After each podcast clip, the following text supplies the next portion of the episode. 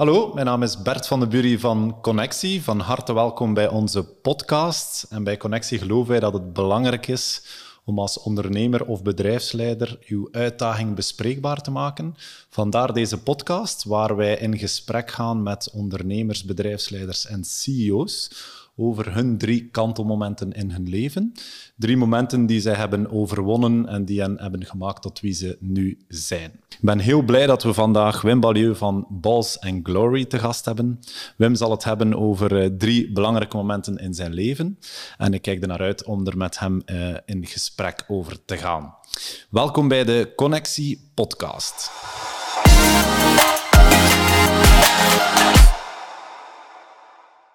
Dag Wim. Hey, hallo. Uh, hoe gaat het? Ja, goed. Ik kreeg even stress als ik hoorde CEO's, bedrijfsleiders, maar toen hoorde ik gelukkig het woord ondernemer en dan dacht ik, chill, voilà. Dus je zit, op je plaats. Ja.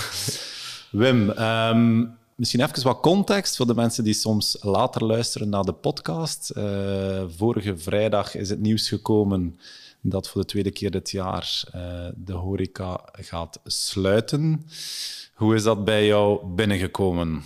Uh, ja, en, inderdaad. Dus we zitten nu in de, de tweede golf, zoals ze het noemen. Misschien dat mensen die nu kijken ondertussen al in de 47e golf zitten in 2024 of zo. Dat kan, dat kan. Uh, het kan, maar uh, ja, dus, dus inderdaad de tweede lockdown van de horeca. Dus eigenlijk gewoon verplicht worden om, om te sluiten. Dus als we het daarnet over ondernemen hadden, dan kun je ofwel zeggen van ja, kijk ja, het gaat niet meer gaan, we mogen zelf niet open doen. Ja, ofwel uh, probeer te redden wat er te redden valt. Uh, in ons geval, we doen heel veel takeaway, delivery al sinds 8, 9 jaar, dus dat is wel oké. Okay. Mm -hmm. uh, dus het gaat vooral over dat team bij elkaar houden, dat team motiveren, zorgen dat er geen cash drain is. maar ik voel ook wel dat het, het geeft tijd, het geeft nieuwe mogelijkheden. Ik haat een beetje het woord het nieuwe nu.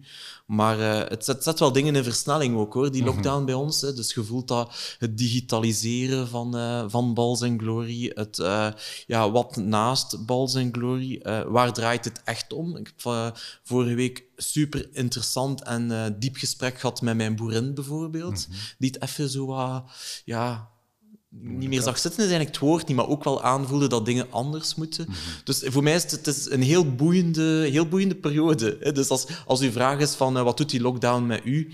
Uh, ja, ik heb nu de battle gevoerd. De restaurants zijn nu gesloten. Uh, de nieuwe bezettingen zijn er. onze nieuwe verkoopskanalen zijn er. Dus dat is in orde. En ik voel mij vandaag zo van, oké, okay, what's next? Mm -hmm. Omdat, wat ik daarnet zei, we hebben wel een soort van... Allee, gevoeld ook gewoon van ja, dit is de tweede lockdown, maar dit, is niet de laatste. Het hmm. idee van uh, tegen kerst uh, zijn we dan van corona verlost, uh, not gonna happen. Nee, dus nee. je probeert je toch voor te bereiden op zoiets als dit gaat nog gebeuren.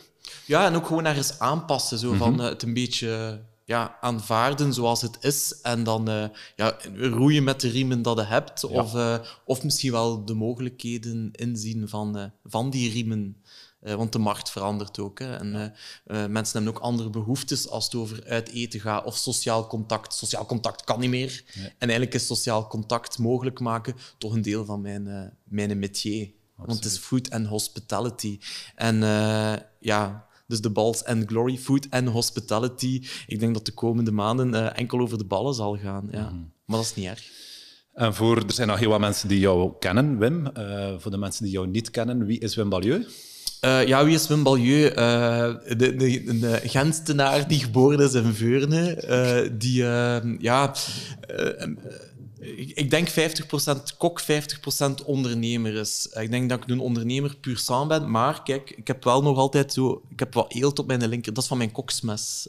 dus ik heb de twee nodig. Dus ik ben eigenlijk iemand die... die, die mijn roots, met een beenhouwerszoon, uh, heel graag combineert met mijn passie voor lifestyle. Ik hou van grootsteden. Uh, en naarmate dat ik ouder word, ook wel geleerd heb dat, uh, dat Brussel een boeiendere grootstad is dan uh, Parijs bijvoorbeeld. Okay. door, door heel veel met lifestyle en zo bezig te zijn. En, en zo die twee dingen, een beetje de drang ook om dingen te veranderen, wat dat typisch is voor ondernemers, combineren met wat ik vroeger wou innoveren met eten, heb ik nu zoiets van, ik wil eigenlijk een beetje onze, onze heritage, de, de, het culinair erfgoed van België, wil ik eigenlijk een beetje bewaken en misschien zelf klaarstomen voor morgen, al zou het al niet zo bescheiden zijn. Ik ga dat niet op mijn eentje doen, mhm. maar ik wil wel ergens uh, onderdeel uitmaken van die beweging. Oké, okay, dus geboren in Dat is een lang antwoord eigenlijk, als ik het hoor. Sorry allemaal geen probleem. zolang ik weet, uh, Wim Balieu functioneert als hij uh, de twee goed kan combineren. En ik heb periodes in mijn leven dat ik meer ondernemer ben en minder kok. Dat werkt niet. En als ik meer kok word en te weinig kan ondernemen, werkt het ook niet. Dus dat, die, die twee samen... Zijn op je gelukkigst als de Voor de rest, ik ben, vooral wat ik, ben iemand met een, uh, denk een, uh, een, een talent voor koken en ik voel trends heel goed aan, maar ik ben waarschijnlijk... Ja, ben een heel impulsieve... Ik wil dingen veranderen, dus ik ben wel mhm. heel passioneel. Dus ik heb ook wel een team rond mij nodig. En dat heb ik wel ik denk dat ik ook goed ben in goede teams rondom mij verzamelen. Meestal dames. Mooi brugje naar de volgende vrouw. Hoe zou je jezelf omschrijven? Je hebt al gezegd, uh, impulsief. Ja, als, als een... Um, ja, zo, ze zeggen soms dat Balls Glory zo de one-trick pony is, um, die, die eigenlijk maar één ding kan. En ik denk dat dat bij mij eigenlijk niet anders is. Uh, ik heb wel leren leren met mezelf, zo. Uh, leren leven met mezelf. Mm -hmm. uh, maar um, ja, ik ben eigenlijk een beetje een vakidioot, denk ik. Um, ik, ik echt vraag mij uh, alles over eten. Vraag mij uh, hoe dat we binnen 30 jaar met eten zullen bezig zijn. Ik denk dat ik echt een, daar een zinnig gesprek kan over voeren met u. Mhm. Maar vraag mij wie dat... Dus het was Ronde van Vlaanderen, eergisteren, wie dat gewonnen heeft. Ik weet dat de Hollander was van de twee. Vraag mij vooral geen... Um, ja, geen vragen over voetbal. Uh, ik ken eigenlijk niets van muziek. Uh, dus, dus ik ben echt een vakidioot. In de food? ja, alles, ik heb echt zo... Ja, dat is altijd mijn passie geweest. Ik heb me daar ongelooflijk in kunnen verdiepen. Maar dat wil ook zeggen dat ik al die daarnaast komt uh, okay. aan mij laat voorbij gaan. Qua persoonlijkheid, wat zijn nog karaktereigenschappen van Wim? Persoonlijkheid? Ja, dat, zou, dat moet je vooral aan mijn omgeving vragen. Ehm, ik denk dat die ook wel gaan zeggen een vakidioot heel vaak uh, met ideeën bezig. Ik heb, ik heb zo'n moteur die nooit stopt. Uh, en qua persoonlijkheid... Uh, mijn zus zei overlaatst zo'n beetje alles of niets. Okay. Mijn zus zei, en ik was er wat van geschrokken. Ik zei, wat zeg jij nu? Zo van, ja, wij weten soms dat, ik, dat hier komt binnenstormen. En dat we dan, dat we dan aan Wim niets hebben. Dan zijn hij gaan tanken, dan, dan stormde binnen en dan weer weg. Ik denk, allee, dat is nu toch wel raar. Dus het is een beetje zo de alles of niets ook. Uh, of vastberaden. Ik denk dat dat misschien wel echt een persoonlijkheidsding uh, is. Als ik ergens voor ga, dan wil ik er ook all the way voor gaan. Mm -hmm. Je weet wat dat wilt. Uh, dat weet ik niet. maar een keer dat ik een keuze gemaakt heb waar dat ik naartoe wil, dan ga ik, wel, dan ga ik het doel wel bereiken. Oké. Super. Maar denk dat, is dat niet typisch voor, um, als, als het echt over persoonlijkheid gaat, uh, toch heel onzeker in uw vastberadenheid? Ik ben iemand die nooit tevreden is. Dus, dus uh, ik, de vraag die altijd bij mij naar boven komt is van, hoe kunnen we dit beter? Okay. Altijd. En dat, ik doe dat voor mezelf, maar dus ook voor mijn team. Ja, wat soms wordt gezegd, een ondernemer die weet waar hij naartoe wil, maar dat is per definitie niet altijd zo. Een ondernemer uh, kan en mag ook twijfelen of onzeker zijn ja, over tuurlijk, waar tuurlijk, Ja, ik ben, ik ben iemand die constant alle dingen in vraag stelt. En dat maakt voor mijzelf soms wel het leven moeilijk. Ik moet daar ook eerlijk over zijn. Um, maar uh, ja, ik, ik, denk, ik denk wel van, oké, okay, uh, hoe kunnen we het vandaag beter? En ik ben constant bezig met, hoe is het morgen? En zij is soms content. Dat is echt van, ah, wel, nu ben ik iedere keer... Nee, ik ben nooit content. Dus als, als, mens, als gevraagd wordt wie is Wim Balieu, is nooit content. Okay. Uh, nog van zichzelf, nog van de mensen rondomheen. Dus ik heb wel, uh, als je een beetje een team wilt aansturen, ik heb ook moeten leren om uh, ja, overwinningen te vieren. Okay. In eerste instantie voor hen, ja. voor mijn team. En, en gaandeweg, ik merk wel met ouder te worden, ik ben nu 37 al, hè, dus ik ben echt uh, grijs en wijs te worden misschien. Um, heb ik dat ook wel voor mijzelf geleerd, om gewoon even ook af en toe stil te staan. Uh, en dan gewoon ergens te zeggen van, kijk, ja, uh, die 30% die beter kon, daar gaan we nu aan werken, maar laten we ook even een kijken wat dat we nu ondertussen verzet hebben. Ja, ja. en ook letterlijk vieren, want sommige mensen zeggen, oké, okay, we vieren wel, maar bedoel, met het team ook samen zijn van hey, dit hebben we. Ah, ja, ja, dat, ja, ik denk dat dat is wel zeer belangrijk. Ik ben wel, ik ben, uh, dat is ook een beetje in mijn persoonlijkheid van alles of niets. Ik ben, uh, ik ben of super sociaal of super afstandelijk. Ik heb al vaak mensen die mij, als ze mij de eerste keer zien, zoiets hebben van uh, een beetje een arrogant bazen en die was er gelijk niet bij. Of uh, ja, we kennen die nu al vijf jaar, die heeft zelf geen goede dag gezegd. En dat is dan meestal omdat ik dan weg ben. Mm -hmm. Maar anderzijds, ja, hospitality zit wel in mijn vingers, dus ik doe niets liever dan met mensen praten, mensen ontvangen, glas wijn schenken, eten geven. En dan is het alles. Mm -hmm. Maar ik ben wel iemand die, die um, ofwel ga ik 300% ofwel ga ik niet. Mm -hmm. Dus ik hou, ben, uh, het is nogal wit, zwart en grijs, vind ik, maar ongelooflijk saai. Ja. Oké, okay, voilà. En uh, waar je nu uiteraard hoofdzakelijk mee bezig bent, is Balls and Glory. Negen jaar geleden gestart. Ja. Wat is Balls and Glory? Ja, wat is Balls and Glory? En, dus, uh, Balls and Glory is, is een, um, een mooie samenvatting wat ik op mijn 30 wou van wat ik ervoor meegemaakt had. Mm -hmm. Dus uh, Balls and Glory is puur in definitie een fast casual restaurant. Dus een restaurant waar dat je onder de 20 euro kan eten. Rond de Vlaamse gevulde overgebakken gehaktbal. Uh, met een omni-channel approach. Wat dat wil zeggen dat we zowel een winkel takeaway als restaurant eigenlijk in één store bundelen. -hmm. Um, dat is wat dat Balls and Glory is. En uh, in, in onze visie is het eigenlijk gewoon... Uh, we willen een slow food alternatief zijn voor de snel groeiende fastfoodmarkt. -hmm. uh, dat, dat, dat, is uiteindelijk wat dat Balls and Glory doet. We hebben nu een zevental vestigingen, dus echte restaurants waar dat je ballen kunt kopen, komen eten of delivery -hmm. kunt doen. Waar we een van de eerste restaurants op Deliveroo bijvoorbeeld in Gent. Mm -hmm. dus, dus dat is Balls and Glory als model. Maar voor mij is Balls and Glory een heel mooie mix tussen de boerderij van mijn grootouders, de slagerij van mijn ouders. Dat is wat ik in opgegroeid ben. En eigenlijk als, als kind een beetje saai, ouderwets vond. Zo ook wat, ja, een beetje West-Vlaams in Gent. Um, die samenkomt met dan de Wim die opgegroeid is in, uh, in de renaissance van Gent. Allee, de laatste dan. Uh, zo rond 2000, een opstart van de Culture Club in Gent. Het SMAK, Jan Hoed. dus alles wat met lifestyle te maken heeft. Ik ben graag met kunst bezig. Ik ben graag met... ja, ik zie graag mooie dingen en creëer graag mooie dingen. En, en dat zijn voor mij altijd twee werelden geweest die naast elkaar liepen. En op mijn dertig heb ik gezegd van, kijk... Uh, ik ga die twee werelden samenbunden tot wat ik, ik wil. Mm -hmm. Dus ik denk dat Bals en Glory echt wel een beetje een, een, een verpersoonlijking is van uh, ja, wie dat ik zelf ben, wat ik zelf graag zie, wat ik zelf graag eet en waar dat ik vind dat, dat de wereld een beetje naartoe moet. Zo. Dus okay. dat, ook, ook, dat is, uh, is Bals en Glory. Al voel ik... Uh, Bals en Glory is nu een puber. Hè. We zijn nu negen jaar bezig. Uh, het zit daar een, een, een iets groot... We hebben toch een serieus team. Er zitten meer stakeholders, boeren, onze zelfstandige uitbaters, want we zijn eigenlijk een franchise-concept. dus het is wel een puber die, die heel erg op zijn papa trekt. Maar ja ik, na negen jaar voel ik wel dat. Uh, hoe kan ik het zeggen? Als ik morgen doodstuik, zal Bals en er binnen tien jaar nog zijn. Oké, okay, dus en, het is niet meer verweven 100% met Wim Balieu. Met nee, nee het, het, heeft een eigen identiteit okay. gekregen. Omdat uh, ja, het, het, interieur bijvoorbeeld van Bals en die, heel, die, die strakke lijn die daarin zit, komt eigenlijk niet van mij. Die komt, we hebben Ruben, dat is, ons, dat is een jeugdvriend van mij, die de shop in Gent uh, uitbaat. heeft ook ooit bij Glen 60, uh, Gentse architect met heel veel natuurstinhoud, ja, die heeft daar gewerkt. Dus die lijn die in Bals en Glory zit, die komt van Ruben. Um, we, hebben, we hebben Melanie, uh, die, die ook grafisch werk doet, denk ik. Ja, uh, absoluut. Uh, bij jullie heeft, heeft, heeft iets zo wat Kobe Desramo-achtigs.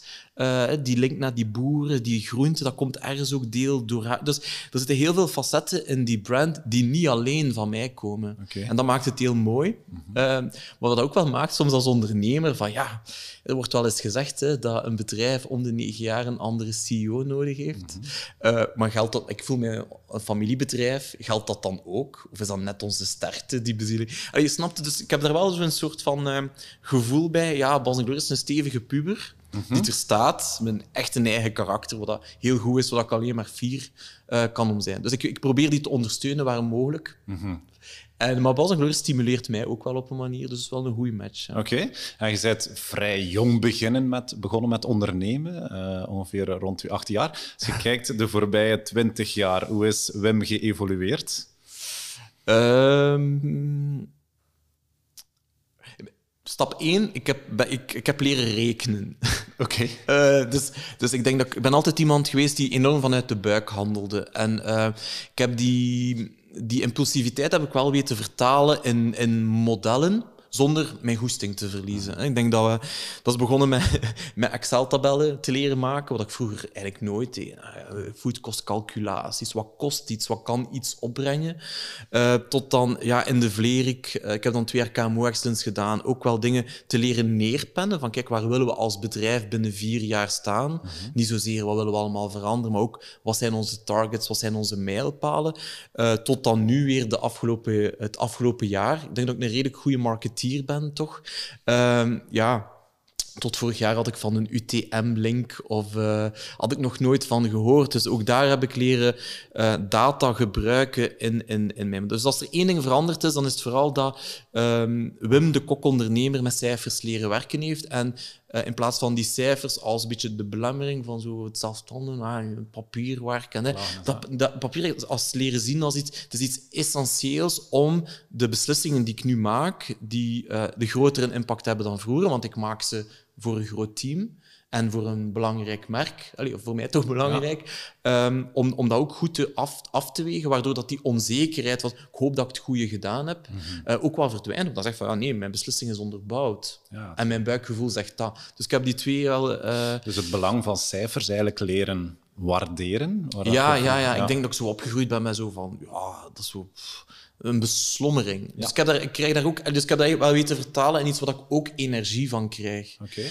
Uh, en ik denk dat ik, um, ja, zoals iedereen misschien van, van uh, in de dertig, ik weet wel heel goed wat ik niet kan.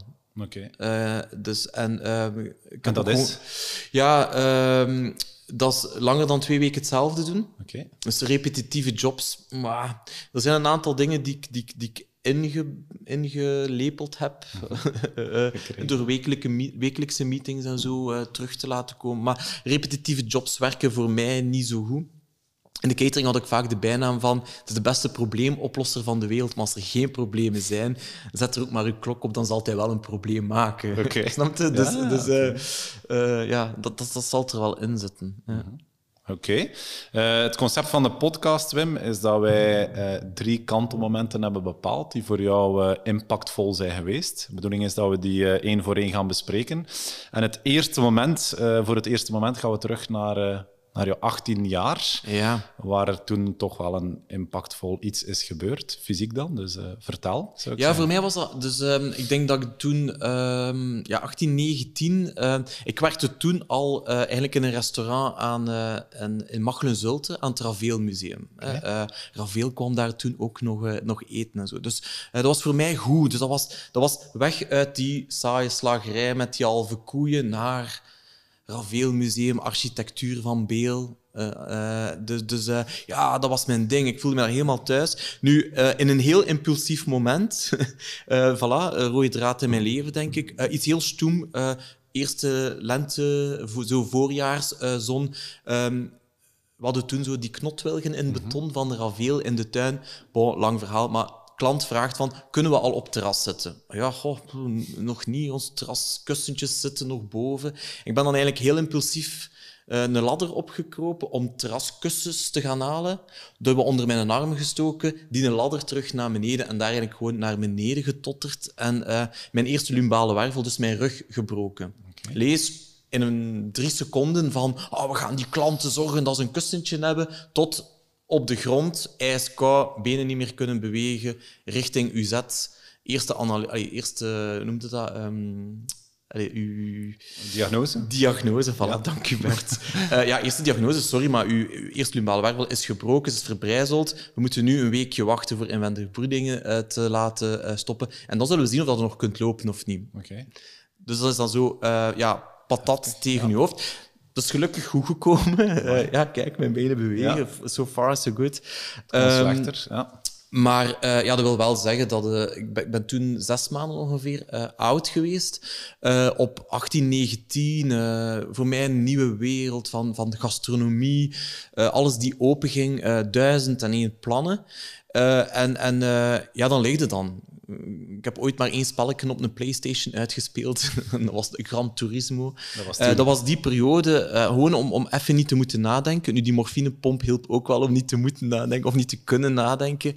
Eh, maar voor mij was dat super, super, super ingrijpend. Zo van, ja, maar wat wil ik nu? En dan vooral ook aan, aan welk, welk tempo wil ik het nu? En eh, hoe, hoe kan ik toch ergens proberen wat energie te kanaliseren en voorzichtiger te zijn? Mhm. Dat is nooit gelukt, hoor. Dus ik ben dan het ziekenhuis uitgekomen en dan, eh, ja... ja, maar denk dan, drie dan, weken daarna stond ik weer een ladder, maar dan zo. Ja. Maar voor mij, dat, was, dat was wel super, super, super ingrijpend. Nu, voor mij was ook wel, ehm, heeft er ook wel een beetje voor gezorgd. Ik ben zo. ehm, ik heb een vriend, dus, eh, en, en eh, ik ben zo het uit de kast komen thuis was ook allemaal niet zo handig. Dus ik was ook wel zo wat half ja, gevlucht naar, naar het restaurant waar ik daar werd. Dus dat, dat, ik was ook ver weg van huis, letterlijk en, en figuurlijk zo. En dan eh, het feit om dan zoiets eh, mee te maken, heeft er ook wel toe geholpen dat ik terug ja, dichter met mijn ouders en mijn zus en, en de echte roots toch weer een beetje samenkwam. Ja. teruggevonden. Want Ja. welk voor nest ben je opgegroeid? Want je hebt in Veurne Ja, gewoond. Of, of- eh, West-Vlaamse ondernemers. Eh, dus eh, wel- welk nest is dat? Nu super warm. maar ja, mijn ouders waren twintig als ik er kwam. hadden drie slagerijen die moment. Dus dat was ondernemen, ondernemen, ondernemen. En ehm, dus ja, de, de momenten dat we mijn ouders zagen, dat was als we dan een keer in de slagerij gingen gaan helpen of zo. Wel heel veel gebeurde. Maar dat was echt al als we dan vijf, zes, zeven, acht jaar waren. Dus, eh, dus voor mij was dat... ehm, ik heb veel meer tijd gespendeerd op de boerderij van mijn grootouders tijdens de vakanties. Ehm, maar ja, dat is een beetje het nest waar ik echt in, in een, eigenlijk een hardwerkend nest... Hardwerken. Ik denk dat mijn ouders eh ene keer drie weken naar het zuiden van Frankrijk op reis eh, gegaan zijn. Dus vooral in een nest die, ja, waarin dat zeven op zeven hard werken eh, een beetje ja, het ding was. normaal was. voor Ja, het normaal was. ja, ja. Ik heb dat eigenlijk moeten afleren. Oké. ja, ik heb dat echt moeten afleren. Ja, want uiteindelijk, ik denk als je in, in zoiets opgroeit, dan denkt je, ja, dat is normaal, dus ik ga dat dan ook zo ja, doen. ja, tuurlijk. Ja. Dat heeft tot mijn dertig geduurd om eigenlijk... eh, nu is mijn zondag heilig. Dan lig ik in mijn bed tot twee uur. Eh, en nu durf ik dat thuis ook vertellen. Dat ik Zon- dat doe. Zonder schuldgevoel? Zonder zo? schuldgevoel, ja. ja. Dus, eh, oké, en dan, dan dat ongeval eh, op jouw achttiende, wat, wat heb je daarna toen gedaan? Dus je, je revalideert dan van je... Ja, van dat, je- dat is dan, ik ben zo iemand, eh, ja, hoe, hoe harder dat het tegen mijn hoofd slaat, hoe harder ik ga terugvechten. Eh, dus voor mij was dat vooral van, ja, dan stilstaan, letterlijk stil liggen, eh, die moment. En ik had toen gewoon zoiets van, ja, ik, niet zozeer vanuit het leven is maar kort, je kunt er maar beter iets van maken hoor, maar gewoon zo van, och kom, weet je, fuck it, deze is nu gebeurd. Ik voelde ook dat ik fysiek niet zomaar in, in een restaurant terug kon gaan werken. Ik was daar wat... allee, ik was nog niet sterk genoeg. Eh, dus ik dacht, ik ga gewoon van thuis uit, vanuit de slagerij, eh, gaan we zo af en toe, als het mij past, een beetje catering buitenshuis doen, traiteur. Ja, en dan zes maanden later eh, waren we met tien man op de baan, zeker met drie camionetten, gingen we dan in Parijs gaan cateren. Dus eigenlijk het idee om het dan rustiger aan te doen en voorzichtig op te bouwen, is niet zo, eh, niet zo goed gelukt. eh. Ja, ik en denk dat alles dan zo beginnen foutlopen is met een aanbesteding voor sandwichjes op Tuzet. En mijn papa zei van, ja, ik zo, heb jij dat ooit al ingevuld? Zo, nou, nee, nee, nee, nee.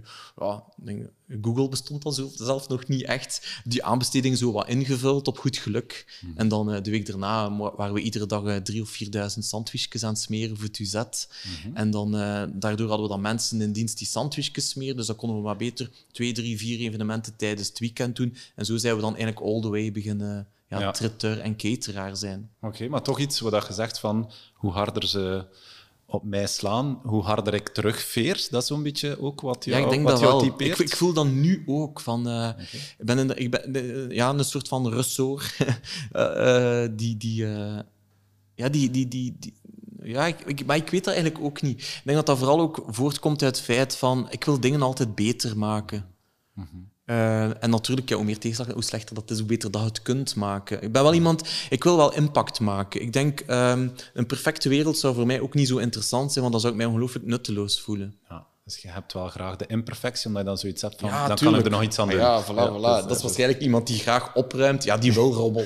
Oké, dus die, die maakt misschien rol. Dus, uh, ja. Alright. Ehm, dat was jouw eerste moment. Dus een, eh, een kwalijke val. Uh, met de Waarmee dat ik zeker niet zeg dat het aan te raden is om op je 18 uur rug te breken. Nee, absoluut. Nee, nee, nee, maar ik denk dat, ja, het is wel een eye-opener in ieder geval. Absoluut. Alright. en met het tweede moment gaan we dan terug naar de Alphin-periode rond 2010. Wat was daar uh, voor jou belangrijk of impactvol in die periode? Ja, dus bij mij werd het een beetje in, in uh, ja, per tien jaar bijna. Dus eigenlijk op, tegen dat ik dan twintig jaar was, zijn we echt all the way begonnen. Echt vanuit mijn passie, uh, lekker koken, lifestyle, zijn we dat gaan doen. We hebben dat heel snel laten groeien. En dan uh, catering en traiteur is eigenlijk ook een, um, ja, dat is een heel gevaarlijk. Dat is eigenlijk dat is een soort van business die je bijna niet klein kunt houden. Mhm. Terwijl dat waarschijnlijk, uh, mochten er cateraars of mensen die met traiteur willen bezig zijn, uh, luisteren. Eigenlijk is het net de kunst om dingen klein te houden als mm traiteur, denk ik. En die kunst van dingen klein houden, die beheers ik niet. En nog altijd niet. Uh... bedoelt klein houden in, in, in volume? Of in, ja, klein in volume, klein in kostenstructuur ook, denk ik. Maar het is heel gevaarlijk om heel snel te groeien. Omdat je komt altijd op nieuwe plaatsen Nieuwe mensen leren nu kennen. Van het ene evenement komen er drie andere. En, eh, dat was heel snel gegroeid. En dan, uh, we waren razendsnel gegroeid. Uh, letterlijk in de slagerij van mijn ouders, wat beginnen koken, het huisje links gekocht, het huis rechts gekocht, muren uitslaan, tijdens het weekend dan alles in zwart schilderen, want dat was dan hip. Uh, om dan uiteindelijk een jaar later weer tot de conclusie te komen, ja, dat is veel te klein en de buurt begint een beetje ja, abetant te zijn, dat we hier tot altijd s'nachts drie uur met camions en zo zitten te laden en uh, te lossen. Dan een oude charcuteriefabriek uh, ja, gekocht, maar dan uiteindelijk niet kunnen kopen en dan maar eerst gehuurd. daar ook terug muren uitgesmeten, terug in zwart geschilderd. En eigenlijk, de moment um, dat, dat ik dan wel door had van ja, maar een bedrijf runnen is meer dan, dan zaken creëren, maar is ook zaken ja, onderbouwen en onderhouden. Mm ben ik dan een jaar of twee Vlerik uh, uh, gaan studeren. En het moment dat ik eindelijk door had voor mijzelf, dat was dan 2007, 2008, van ah, oké, ik begin hier stilletjes aan wel door te hebben hoe dat, dat werkt. Daarvoor had ik nog nooit van het woord overhead of labor cost of food cost, ik had er nog niet van gehoord. Mm dus het moment dat ik, dan, dat, dat ik dat eindelijk in mijn vingers begon te hebben en kon beginnen kiezen van ja, willen we nu voor Vuitton recepties organiseren of willen we nog altijd die sandwichjes voor Tuzet smeren? Want we deden dat nog alle twee. Mm -hmm. eindelijk, als ik dat zo wat begon door te hebben, begon ik ook wat te verschieten van ja, we hebben hier evenementen waar we keiveel aan verdienen, we hebben er andere waar we keiveel aan uh, verliezen. En eigenlijk zijn degenen die we graag doen wat we aan verliezen en zijn dan... Dus dat was ineens zo van, oké, okay, um, het moment dat ik eindelijk het gevoel had van ik heb hier nu facts en figures waaruit ik strategische beslissingen kan nemen, mm um, werd het 2008 uh, de financiële crisis. Uh, al onze grote klanten, private bankers, uh, Brussels Expo, ja, halvering van, van, van die omzetten, maakten het eigenlijk dat het moment dat ik de keuzes dan eindelijk een beetje kon nemen, dat het eigenlijk al te laat was. Mm -hmm. We zaten in een, ja, een cashflow-positie die niet zo interessant was, die, die een omzet was gehalveerd, terwijl dat wij net onze productiecapaciteit, denk ik, verviervoudigd um, hadden. En uh, ja, dat, dat, was dan voor ons bijna ja, eh, of, of over kop gaan, denk ik zelf bijna, of uh, ja, de opportuniteit aangrijpen. We zijn toen een soort van gefusioneerd met Gourmet, Vent en Horeto. Dat zijn dan echt de grote jongens. Um, dus we dachten van, oké, we zullen dan samen gaan. En ik dacht, eindelijk, dat is ook wel goed, kan ik eindelijk doen wat ik graag doe, zijnde creatief zijn. Ik kreeg dan ook zo'n visitekaartje, creatief directeur of zo. Die dan alle producten en conceptontwikkelingen van Warenhem Koers tot, de, de, de, tot U2, de VIP, tot dan de evenementen die wij deden uh, met Alphin. En op papier dacht ik van, oké, dat is de job waar ik zo lang naar uitgekeken heb. Gewoon creatief zijn. En toch, ik denk dat we tegen dan zo 2009, 2010 uh, uh, waren, had ik keihard door van, ja, deze is het niet. Ik, ik, kan, ik kan niet creatief zijn als ik niet kan ondernemen. Mm en dus ik, ben, ik, ik heb toen doorgehad van... ben veel meer ondernemer uh, dan, uh, dan dat ik dacht. Dan dat ik dacht. Ja, manager, ik weet zelf niet. Ik heb, ik heb heel lang gedacht, misschien tot, tot dan, dat ik, dat ik meer artiest was. Dat ik, dat ik gemaakt was om dingen te creëren met dan alle ja, zwier en zwaai die daar dan bij hoort of zo. En ik denk na één week gourmet vent had ik door van ja, shit, ik functioneer eigenlijk niet uh, als ik de structuur niet zelf kan maken. En, en de structuur die hier gezet wordt, die structuur heb ik eigenlijk zelf nodig, maar ik zou die liever zelf creëren. Nou, dus ineens kom ik. ja, uh, je hebt zo nog dingen zoals uh, niet concurrentiebedingen en die zaken. Dus ik dacht letterlijk, ja, ik ga mijn drie jaar uitdoen. Dan, dan voldoe ik aan mijn verplichtingen. En, maar na twee jaar had ik echt zoiets van, ik moet hier nu uit. Uh, dus je hebt echt nog twee jaar gebleven? Ja, ik ben eigenlijk... Ik, ja, het zou, het zou niet fair zijn mocht ik zeggen dat ik, dat ik anderhalf jaar tegen mijn zin... Maar ik, heb, uh, ik heb één jaar geprobeerd. Na één jaar had ik door van, ja, dit wordt het niet. Mm Dit wordt het niet. Het bedrijf was daar ook heel snel aan het veranderen in alle richtingen en zo. En, um, en, en, ja, en dan heb ik echt gewoon na dat jaar gezegd van nu ga ik proberen twee jaar even op mijn tanden te bijten. Want anders is gewoon de, de, ja, de financiële impact ook gewoon te groot. Mm en tot is ook ergens uw kind dan die de achterlaat in, in, ja, in een ander bedrijf. Uh, maar ik had zoiets van, ja, nee, ik, ben, ik, denk, mijn bedrijf kan ook niet functioneren als ik zelf niet, uh, niet gelukkig ben. Of zelf de drive niet heb. En dat, was, dat is wel super belangrijk. En toen had je echt het gevoel van, ik ben niet gelukkig op dat moment. Uh, ja, nee, maar ik, eh, ik was vooral heel erg... Het is eigenlijk gewoon... Het, het, het gegeven dat dat gebeurt was voor mij een superbelangrijke leerschool van... Ja, maar accepteer toch gewoon dat je 50% kok en 50% ondernemer bent. Dat is toch fijn? En ik heb daar vooral... Het heeft ook geholpen in een groot bedrijf. Worden veel meer geconfronteerd met wat je niet kunt. Tot daarvoor was ik altijd... Uh, ja, de, zoon van de slagerij en dan altijd de baas van Alphin, traiteur. En, en het nadeel van baas zijn, soms, uh, is dat mensen niet altijd meer nee tegen u zeggen of, of niet meer zeggen wat je niet kunt. En uh, ja, een groot Frans bedrijf helpt daar wel in. Om, om, uh, om je ook gewoon echt gewoon keihard te confronteren met van sorry gast, maar je kunt wel zeggen dat je dat kunt, maar je kunt het niet. Mm en, maar dat heeft mij dan vooral gemotiveerd van ja, maar wat ik dan niet kan, ik heb dan voor mezelf de keuze gemaakt, wat wil ik nu leren? Waar wil ik mij in verdiepen? En wel, van welke zaken weet ik gewoon, dit gaat nooit werken. Dat repetitief, dat, dat gaat nooit werken. Dat zit in mijn karakter, dat krijg ik er niet uit. Maar uh, ja, leren energie krijgen van cijfers, van daaruit handelen, waardoor dat ik meer impact maak, ja, dat wil ik wel. Maar dan wil ik het wel zelf doen. Mm -hmm.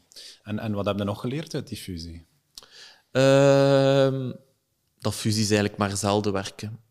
Uh, dat, nee, het is, te zeggen, het is te zeggen dat, uh, dat het heel moeilijk is om verschillende bedrijfsculturen, zeker, en zeker in, in catering, als die heel sterk zijn, om die identiteiten, uh, één, intern te vertalen en twee, naar buiten toe ook te communiceren. Hè. We hebben, ik heb toen heel veel boeken gelezen over, over het Audi-Volkswagen-verhaal. Mm -hmm. waarom dat, dat ja, hetzelfde bedrijf is, maar zich toch verschillend... En ik heb lang gedacht dat in, in catering bijvoorbeeld dat dat perfect kon om onder ene koepel verschillende merken te bundelen.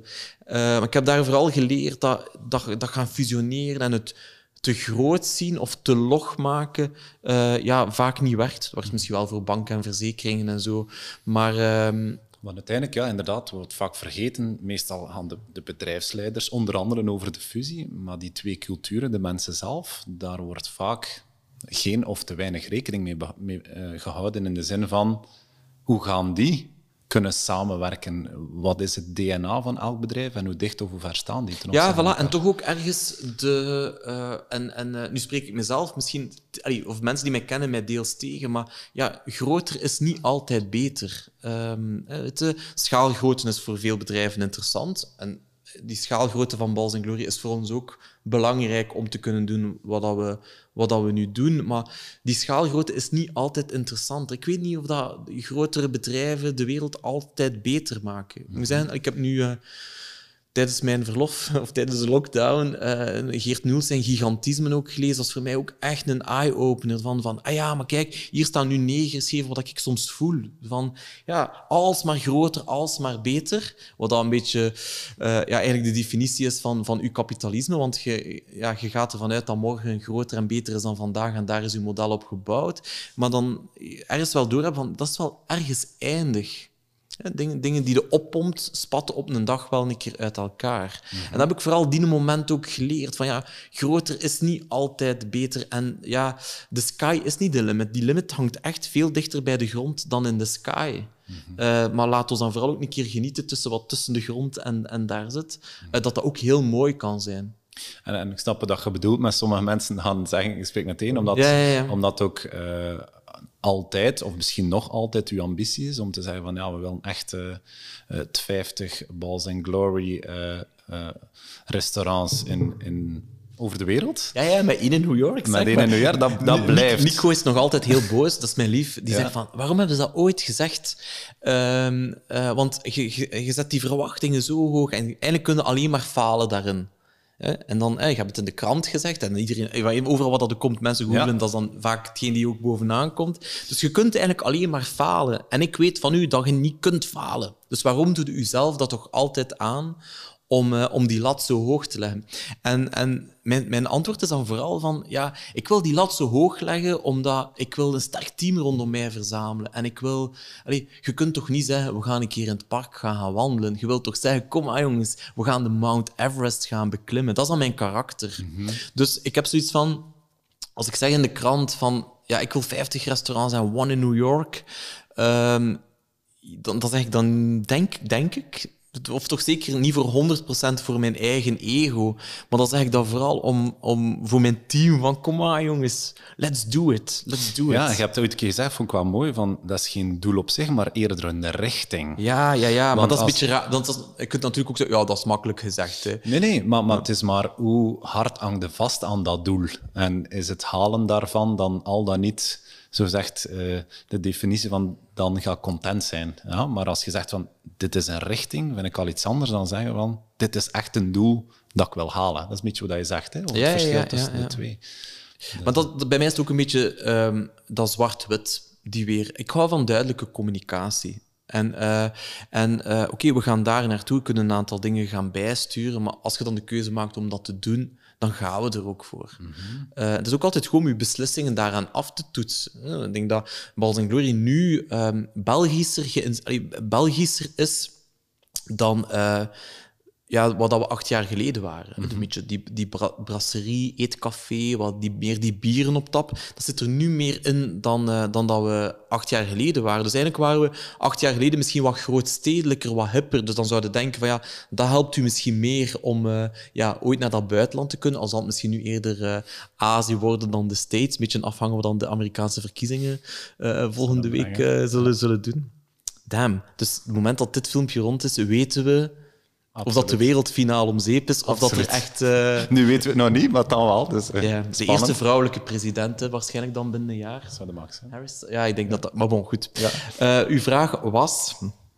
Rond uw ambitie, rond dat je zegt van we, we- we waren wat Bel of we zijn wat meer Belgischer aan het worden. Ja, wel, het feit dat we gewoon meer Belgischer worden, dat is vooral omdat we gezien hebben... We, allee, we hebben al een restaurant geopend in het Nederland. Het is niet gelukt. We zijn mogen weerkeren. was in Eindhoven? Of, eh, Ja, dat was in Eindhoven. Het is niet gelukt. We zijn teruggekeerd. Ik ben nu klaar om terug naar Nederland te gaan. En waarom zijn daar nu beter op voorbereid? omdat we nu Belgischer zijn. Oké, oké. Ja. ja. Eh, dus ik heb vooral... ge- dus ik denk dat dat wel ehm, de... Goh, ik denk dat wij ook als Balls and Glory, wat ik voor mezelf ook heb, van, het is helemaal niet erg om uzelf te zijn. Ehm de, uzelf is vaak kleurrijker dan meedoen met een hoop. Ik ben echt iemand van mijn 20 tot mijn 30, door constant in die trends te zitten. Ik, ik, kon, ik was altijd mee, wat wordt, het, wat wordt de, de ralkleur van volgend jaar? En, en, eh, en, eh, en nu heb ik geleerd van, weet je, fuck, ik heb ook een soort van de relativiteit ingezien van eigenlijk de bubbel die ook constant rondom ons gecreëerd wordt in fashion en design en politiek. En dan om eigenlijk te zeggen van ja, maar wat telt nu eigenlijk echt? Eh, nu klink ik waarschijnlijk als iemand van 70, maar ik heb vooral geleerd van ehm, misschien eerder dat als ik twintig was, was mijn eigen zin doen rebellie tegen het systeem.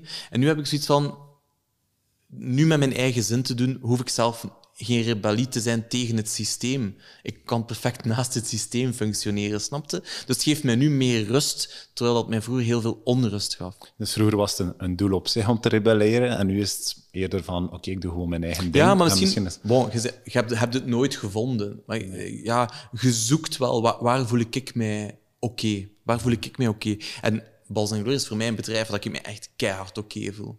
Eh, ik kan heel veel dingen combineren die ik heel graag doe. Ja. En je hebt er al iets over gezegd. Jouw lief Nico is ook ondernemer, Hotel Hungaria. Hoe, hoe gaat dat? Twee ondernemers thuis?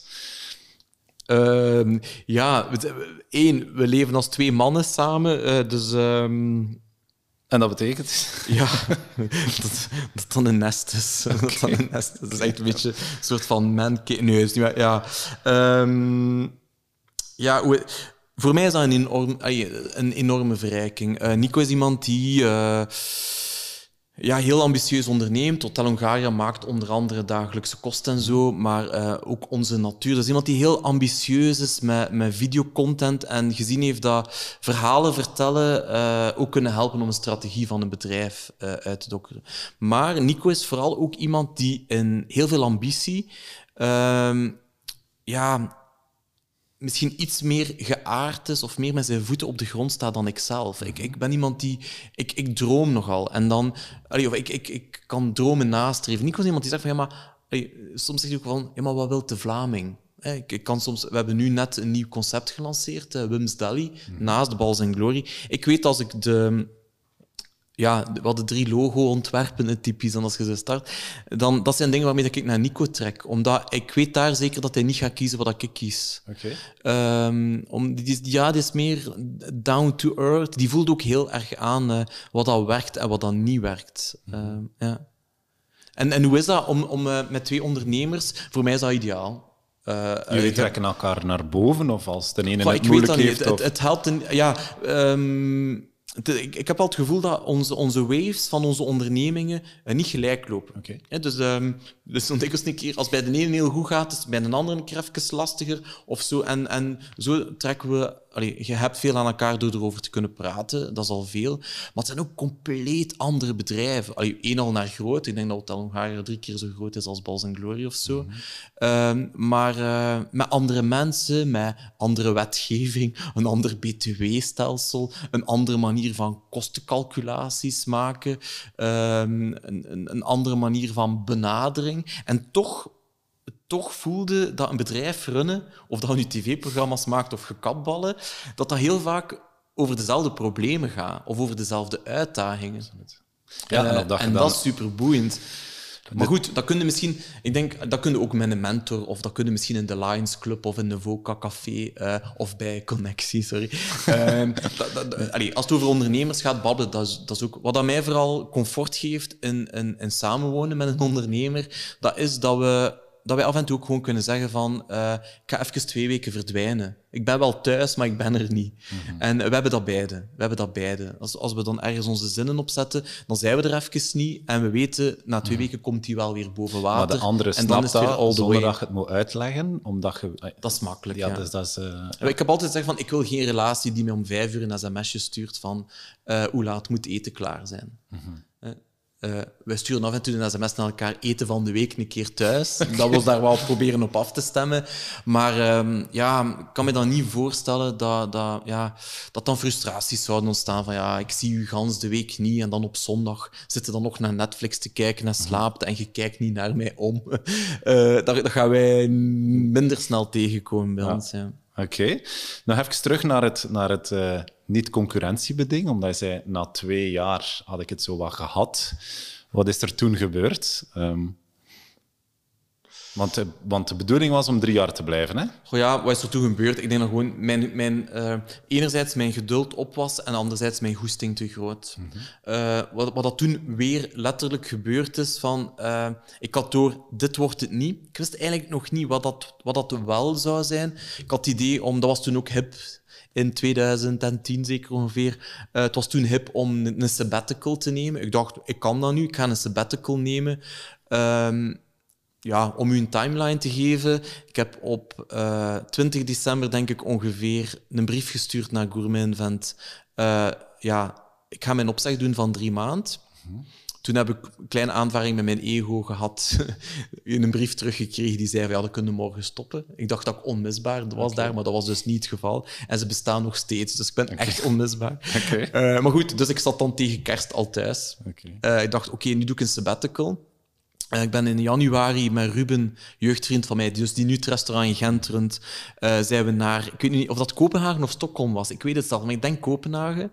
zijn we drie weken naar daar getrokken, ben ik ineens in gezien van, dus, ja, de Nordics is heel leuk om te zien dat mens en natuur en ondernemerschap zich mooi mixen. Ik had van, ja, kijk, dat is wat ik wil.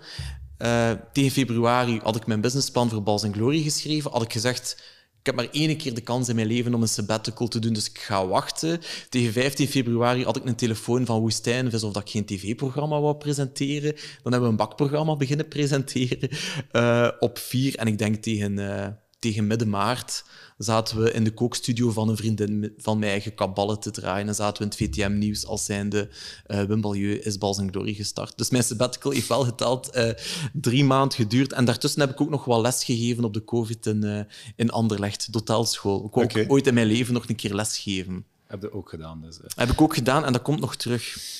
Dat ik gaat lesgeven bedoel je? Ja. Oké. Okay.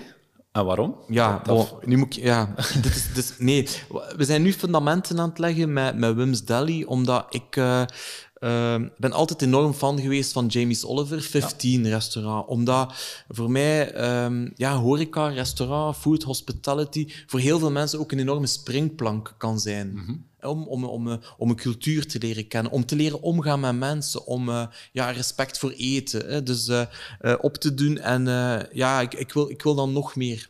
Ik, ik, ik, okay. ik, wil daar terug naartoe. Mm -hmm. ik, wil, ik wil eigenlijk, ik hoop echt zo, als ik 70 ben, mensen te kunnen inspireren en opleiden. Okay. Omdat ik zelf al zo ongelooflijk veel geleerd heb en nog veel te leren heb, voor alle duidelijkheid. We zijn nog jong, hè? dus dat is ja. goed. Maar de mensen, of sommige mensen zullen je ook kennen als tv-kok. Je hebt net gezegd, een paar keer toch al als tv-kok uh, gefungeerd. Hoe was dat? Of hoe graag deed je? Doe je dat? Of, uh... Dat is een rare. Ik denk, ja, je moet uh, je moet keuzes maken in het leven. Hè. Ik heb nu, um, maar ik maak wel graag televisie. Uh, maar um, ik zou dat even goed achter de schermen kunnen. Ik ben ook nog altijd degene die dan zo uh, ja, de, de filmpjes voor Bals en Glory zelf monteert en dan de scriptjes voor onze online academy en zo. Dus ik ben wel graag met content bezig. Mm -hmm. um, maar je hoeft niet voor de camera te staan dan? Ja, uh, ik zeg dat altijd, maar Nico zegt dan dat is niet waar. die gelooft dat niet. Ja, uh, ja, die, of die, ja uh, dus, dus ik weet het niet. Maar laat ons zeggen dat het feit dat het nu af en toe een beetje komt. In Nederland maak ik nog een beetje een tv-programma en ik krijg af en toe wel de kans om leuke dingen te doen. En deze week hebben we dan gekookt vanuit mijn keuken voor Toerisme Vlaanderen. Mm -hmm. Dat werd dan in Barcelona uitgezonden. Dus ik vind, ik vind het wel leuk. het is vooral ook een mooie aanvulling op wat we doen met Balls and Glory. En het helpt ons ook om ons merk en onze ambitie in de kijker te zetten. Hè. Mm -hmm. uh, maar ik vind het een heel mooie... Voor mij is het heel goed. Ik krijg af en toe nog een keer een doos kleren of zo opgestuurd. En, uh, dus je hebt er een beetje voordelen uh, van, maar ik heb er ook geen nadelen van. Oké. Okay. Um, Mooi. Um, dan is het tijd voor het derde moment. En dat heb je eigenlijk uh, zeer snel gezegd van dit is eigenlijk nu. Ja, ik was heel goed voorbereid. Je hebt me inderdaad heb je op voorhand doorgezegd van je moet over drie kantelmomenten hebben. Ik had er nog niet over nagedacht. Nee. Maar ik vind nu, um, ja, we zitten echt midden in die coronacrisis of covid-crisis. Um, ik heb het gevoel dat, dat, dat vandaag weer zo'n moment is om, om, uh, ja, om, om, om stil te staan van wat zijn andere manier om mensen in contact te brengen met elkaar? Uh, we zijn nu weer een stap verder voor mezelf. Zo van, als mens, wat wil ik, wat wil ik nu echt? En dan, dan um, ik denk dat vandaag een kantelmoment is, voor mezelf zo, in mijn leven, van uh, mij weer klaarstomen voor de komende, voor de komende tien jaar. Maar wat het dan juist wordt, weet ik misschien ook niet echt hoor. Eh, wat ik daarnet zei, van ik wil terug meer ook met, met mensen bezig zijn, mensen kunnen coachen, mensen trainen. Uh, maar ik denk vooral ook een, een, um, een maatschappelijke rol innemen. En niet zozeer van dat ik nu na, uh, na drie keer een onderneming een VZ2 wil starten. Ik denk dat een, een um, dat we, dat we ook tijden ingaan waarin dat de meerwaarde van uw bedrijf niet, niet in EBITDA uitgedrukt wordt. Mm snapte? Ik heb, het, uh, ik heb dat nooit gedacht.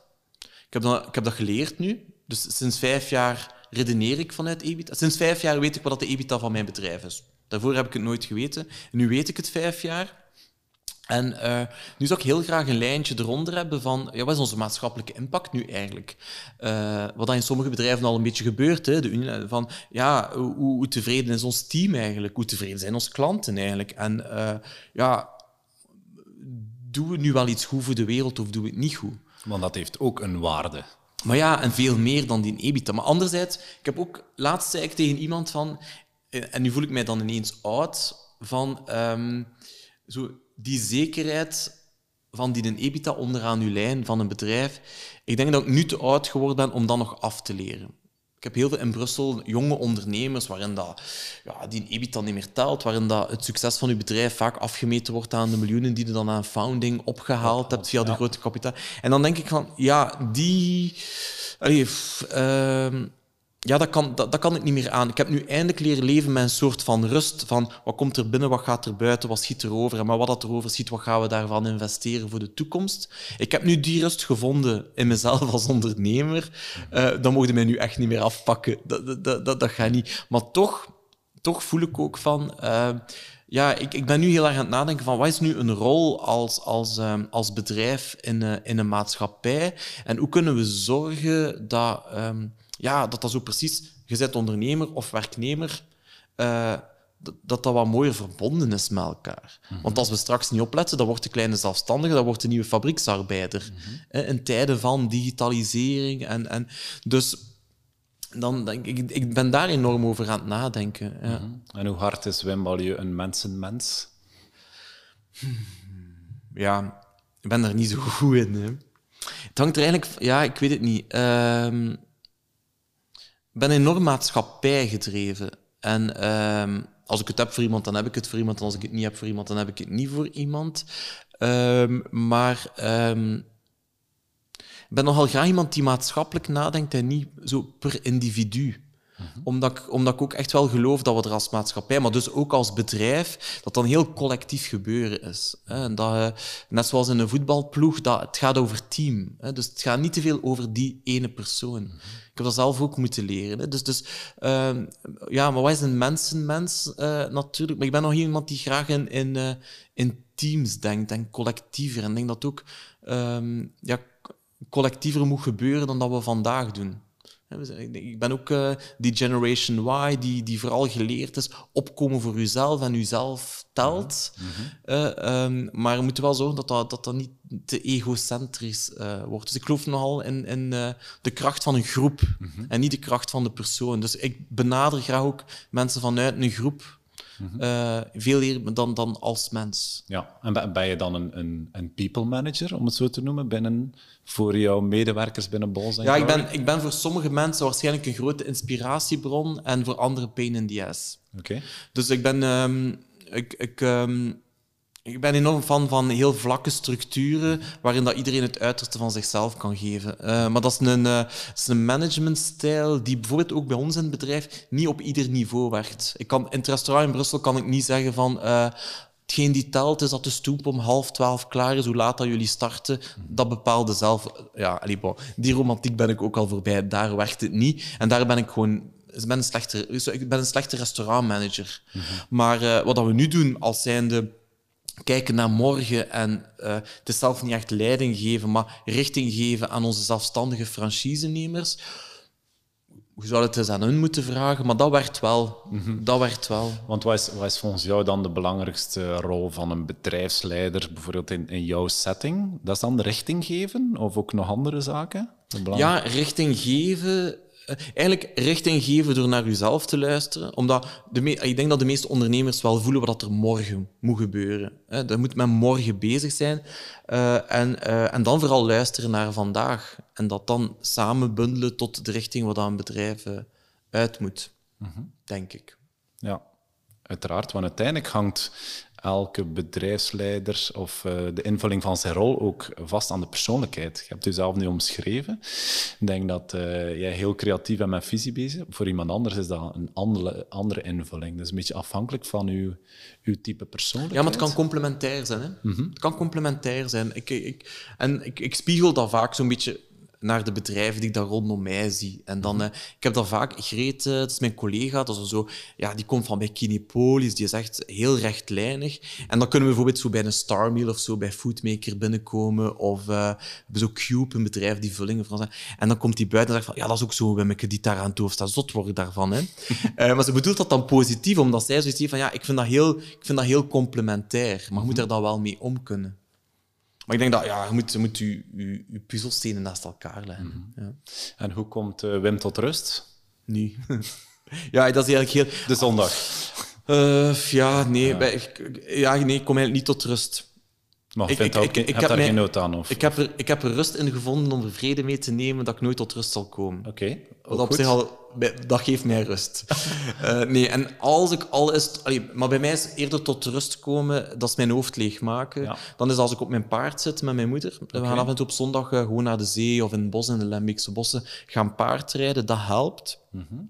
En ehm, sinds, sinds, sinds een jaar nu ben ik iemand die twee keer in de week een uur eh, eh, gewoon mijn focus op de sport. Ik heb dat nooit gekund. Ik ben altijd de loser geweest eh, in sport. Welke sport dan?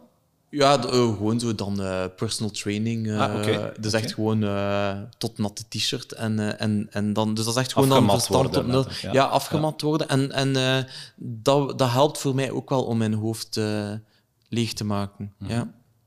Maar bon, ik denk, eh, ja, rust vinden hoeft dat ook, snapte? Mhm. Ehm, ik, ik heb vooral geprobeerd om de onrust die in mij zit niet constant los te laten om de wensen rondom mij heen. Nog in mijn relatie, nog in mijn team. Dus ik probeer het altijd een beetje... Je hebt zo van die emmertjes in de sauna, hè, die zo vollopen en dat je dan kunt omtrekken. En wel, vroeger was ik... Ik, ik drupte constant koud water op de mensen. Nu laat ik altijd eerst mijn eigen emmertje vollopen en kap ik het dan uit over de mensen. Dat is misschien een, eh, een goede Ja. metafoor. En dan... eh, ja, maar ik heb geen probleem om zelf onrustig te zijn. Ik kan daarmee leven. Maar ik heb wel al geleerd dat dat dan... eh, als ik dan complementaire mensen rondom mij verzamel, dat ik dan wel moet zorgen dat ik die onrust niet constant op hen eh loslaat. Zei iemand die, die je hebt zelf al verteld, die, die zeer, ehm, zeer veerkrachtig is en direct hup en we doen terug voort. Maar wat was tot nu toe echt het, het moeilijkste moment waar je even dacht van wow, eh, hier zie ik het niet meer zitten? Of... Wel, ik heb... ehm, ik denk door zo vroeg mijn rug te breken, we- we zijn daar net mee begonnen, hè, dat eerste kantelmoment, heb ik... ehm, heb, heb ik zelf nu... Allee, we, hebben ook, we hebben de aanslagen gehad in Brussel. We hebben ook al goede momenten en slechtere momenten gehad met Balls and Glory. Eh, ik heb voor mezelf zo leren uitmaken van ja, iedere pagina die we schrijven is uiteindelijk toch maar een pagina in, eh, in dat geschiedenisboek met niet zozeer... Allee, wat dat je vandaag ervaart als een superbelangrijk eh, hoofdstuk, zal het binnen tien jaar niet meer zijn. Hè, Dus dat, dat is misschien ook wel de Wim die leren leven heeft met zijn impulsiviteit. Hè, die die in het begin gewoon leert op Vlerik van eh, nooit een mail direct beantwoorden. Zo, eh, je kunt zeggen van, oh, stoeme tip is dat nu. Eh, maar dat heeft bijvoorbeeld mij wel geholpen om, ja, maar laat het eerst een keer even zakken. En laten, en, eh, dus ik heb dan nu ook van, het is, ah, ja, kijk naar de maatschappij, wat er rondom u gebeurt, vanuit een keer een ander perspectief. Van het perspectief wat hij nu ziet of het nu aanvoelt, zal misschien niet meer hetzelfde gevoel zijn dat je binnen vijf jaar hebt. En dat helpt mij wel relativeren. Zo van, ja, wat was nu het belangrijkste moment? Heb je de clichévraag, ik hoop dat ze niet komt of op je briefje staat, van eh, wat zou je anders gedaan hebben? Ja, ik zou... Ik denk, mochten mij nu vragen van, zou je die klink laten afbreken hebben en naar beneden tuimelen om dan je rug te breken, dan denk ik van, ja... eh, ja, ik denk het wel. Ja. Ik denk dat ik dat wel moet doen, want dat is onderdeel van wie dat ik vandaag ben. En eh, eh, ben, ik van, allee, ben ik content met wie dat ik vandaag ben? Nee, maar ik ben wel al super blij dat ik van mezelf kan zeggen dat ik nooit content ga zijn. Snap je? Eh, dus dus, eh, ja, ja dus, dus wat is nu het belangrijkste moment? Ik weet het doet er niet toe. Net zoals eh, de economie denk ik van, misschien moet mijn belangrijkste moment nog komen. Nog koop, de beste is yet to come. Ja, de, of de worst. de de worst worst, of ja. the worst, ja. ik, ik, blijf, ik blijf vooral heel nieuwsgierig van wat komt er nog. Ja. ben ook wel iemand die snel eh, bladzijden omslaat. Dus Zowel in het negatief als in het positief. Ik ga niet snel op mijn lauweren rusten, maar ik ga mij ook niet snel in negativiteit wentelen van het verleden. Ik ben echt wel iemand die allee, ja, heel nieuwsgierig is van wat komt er nog allemaal op ons af en wat gaat er nog allemaal veranderen. Ik ga er wel altijd van uit dat eh, het is al altijd beter geworden. En eh, heel veel dingen losten zichzelf op. is ook een belangrijke. En, en als je naar de toekomst kijkt, je bent een dromer, wat, wat, zijn jouw, wat is jouw grootste droom nog? Mijn grootste droom ehm, hangt, hangt bij mij samen met mijn... Uh, ik heb twee grote bezorgdheden, toch? Dus, okay. Maar niet piekeren. Uh, dat zijn... Um, ja, ik, ik zie dat heel veel mensen zonder job dreigen te vallen. En dat dat jammer is, omdat ambacht daardoor verdwijnt. Dus ik heb, ik heb zo het gevoel van, ambacht geeft veel levensvreugde. En heel veel ambachten verdwijnen. En kok is daar trouwens één van. Je ziet zoals Silkes aan, de eerste robotjes die kunnen wokken en zo. Mhm. uh, dus ik denk van ja, uh, ik zie veel mensen, als die hun ambacht verliezen, verliezen die ook hun passie. Dus daar droom ik echt wel om daar iets aan te doen. Dan eerder vanuit dat educatieve of inspirerende. En anderzijds... Um, ik, voel, ik, ik, ik, ik zie, ik hoor, ik voel veel miserie bij, bij de boeren waar ik mee samenwerk. Over grond die zilter wordt, grond die droger wordt, uh, oogsten die meer mislukken. En ik ben er wel heel erg mee bezig. Dus ik droom ook uh, om daar iets, iets in te kunnen veranderen. Dus eigenlijk droom ik gewoon van een toekomst uh, ja, waarin dat we duurzamer, zowel met mensen als middelen als de natuur omspringen. En ik denk, we gaan dat echt kunnen. Mm dus ik hoop echt dat ik daar dan een onderdeel van kan zijn. Mooi, want jouw twee dromen zijn eigenlijk gelinkt aan twee bezorgdheden, om daar iets mee te doen. Dus, ja, voilà. En dus uh, ja, ik zou niet kunnen dromen zonder bezorgdheden. Of ik zou niet kunnen ondernemen zonder problemen. Mm Ik zou niet kunnen leven zonder miserie. Zo, snap je? Om het op te lossen. Mm Laatste vraag, Wim, is altijd welke boodschap wil je nog meegeven aan ondernemers die luisteren? Maar ik zou die eigenlijk specifieker willen maken. Welke Welke boodschap wil je meegeven aan horeca-ondernemers op dit moment? Oh ja, ik denk, ja, hoor ik onder, laat vooral de moed niet hangen, zou zo cliché zijn. Ik denk dat vooral um, uh, laat u niet zot maken door een ander en, en uh, probeer te doen wat je zelf goestingen hebt. En dat gaat vooral over van, allee, doe wat je zelf goed in zijt. En uh, ik ben zelf ook iemand die tien jaar altijd naar anderen gekeken heeft en wat gebeurt er in de andere steden en, en wat doen anderen, dus wat kan ik dan ook doen? En ik denk dat vooral, allee, ja, doe je eigen ding, want je eigen identiteit wordt heel boeiend. Mm -hmm. zeker ook als je met horeca en live, dat is zo'n tijd geweest dat, of dat er nu in een restaurant in New York zat of in, in, in Kopenhagen. Dat was allemaal van dat stijgerhout. En allemaal dan zo wat, dezelfde gerechten zelf, met dan een jutje van denden erbij. Uh, en dan denk ik van, ja, wees toch gewoon, allee, wees gewoon uzelf. En doe wat dat je zelf voelt dat, dat, dat, dat goed is. Mm -hmm. ja. Volg je eigen pad. Ja. En neem mensen mee op je pad. En neemt er ook niet onbelangrijk. Niet ja. alleen op je eigen ja, pad. Voilà, voilà. Super. Uh, bedankt Wim voor dit uh, fijne gesprek over. Ik wil me nu al excuseren, want jij moest hier structuur in brengen en dat is eigenlijk niet gelukt. Ja, ik heb, ja, ja, het is wel gelukt. Geen enkel probleem. Dat maakt niet uit. Maar niet. Ik vond het heel fijn om iets te horen over uh, hoe je opgegroeid bent. Hoe je toch wat dingen hebt meegemaakt en veerkrachtig hebt doorgezet. En nu toch nog altijd heel wat dromen hebt op deze, deze jonge leeftijd. Dus uh, super bedankt. Heel veel succes in deze toch wel uitdagende tijden. En uh, graag tot binnenkort. Ja, bedankt voor de uitnodiging. Graag gedaan. Hopelijk heb je genoten van deze podcastaflevering. Abonneer je nu via een van onze kanalen om geen enkele aflevering te missen. Laat gerust ook een reactie na. Stuur de podcast door naar andere ondernemers of laat ons weten wat je ervan vond. Tot de volgende keer.